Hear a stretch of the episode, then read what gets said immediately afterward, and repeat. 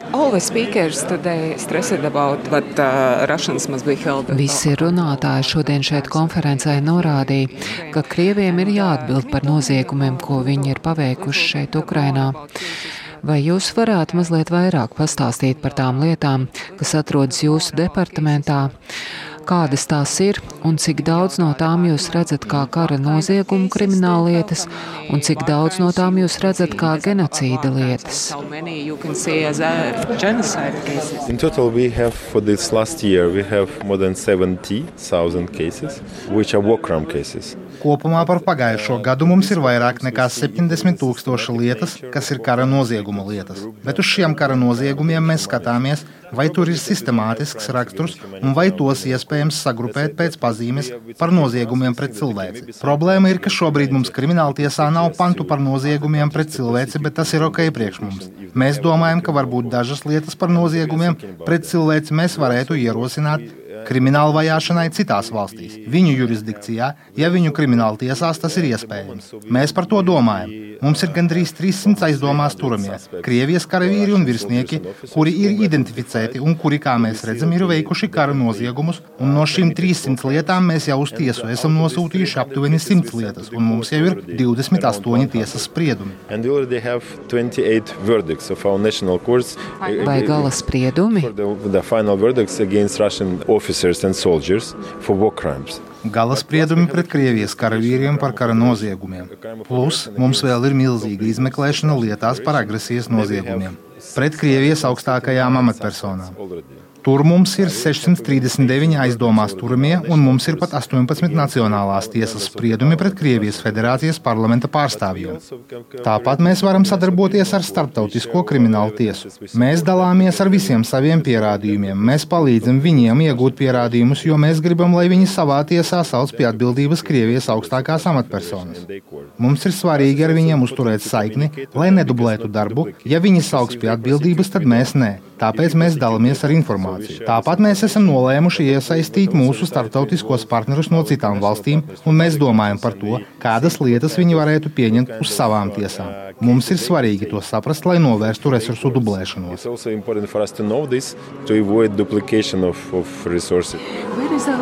Kur ir tā robeža starp kara noziegumu un genocīdu lietām?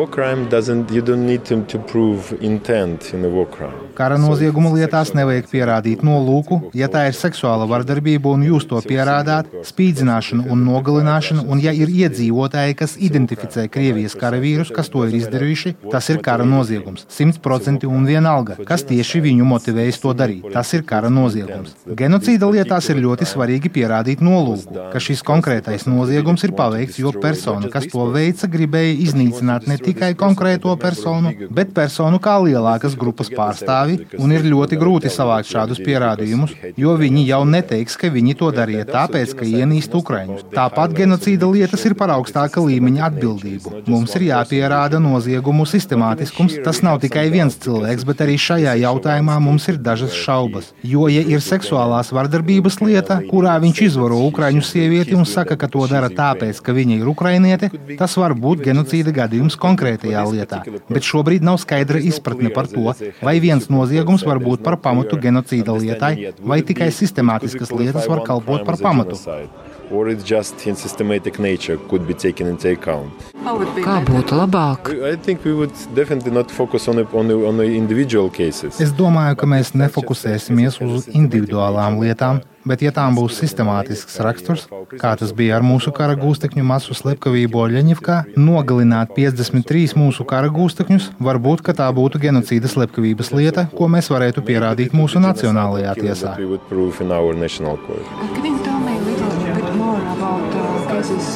Vai jūs varat pastāstīt mazliet vairāk par tām 28 pabeigtajām lietām?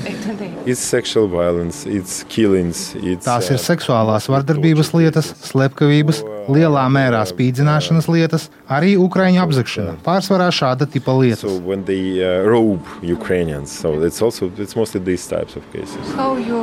Kā jūs raksturotu, cik noderīga ir citu valstu sniegtā palīdzība?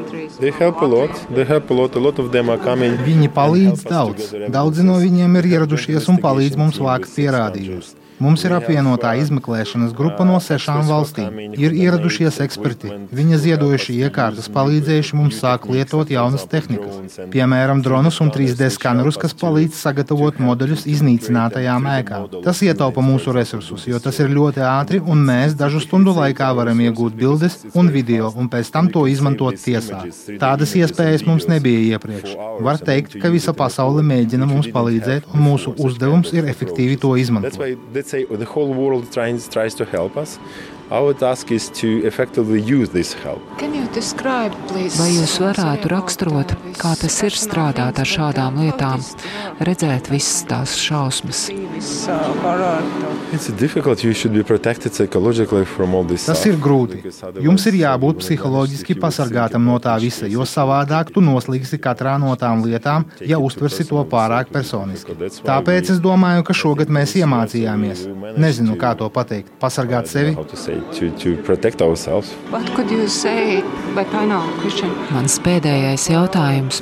Ko jūs varētu teikt visiem tiem, kas cietuši, un arī Latvijas cilvēkiem? Vai taisnīgums uzvarēs? Justice would come. We just need to wait. That's because people are waiting for a speed justice. Taisnīgums nāks. Vienkārši mums vajag pagaidīt. Jo cilvēki gaida ātru taisnīgumu, bet ar to ir risks pieļaut kļūdas. Mēs negribam falsificēt lietas. Mēs negribam, lai būtu tikai cietušajiem ko parādīt. Nē, mēs saprotam, ka tas būtu bīstams solis, tāpēc mēs pret šīm lietām izturamies ļoti pamatīgi. Pat rēķinoties ar to, ka viņi ir mūsu ienaidnieki, mēs saprotam, ka likuma vara darbojas arī viņu labā.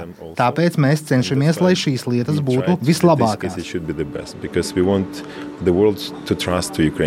Mēs gribam, lai pasaule uzticas Ukrainas lietām. Mēs negribam, lai kāds saka, jūs neesat efektīvi, nav pilnībā ievēroti likuma standarti. Mēs negribam, lai kaut kas tāds būtu teikts par Ukrainu. Tāpēc mēs cenšamies būt ļoti atklāti mūsu izmeklēšanās un ļoti efektīvi.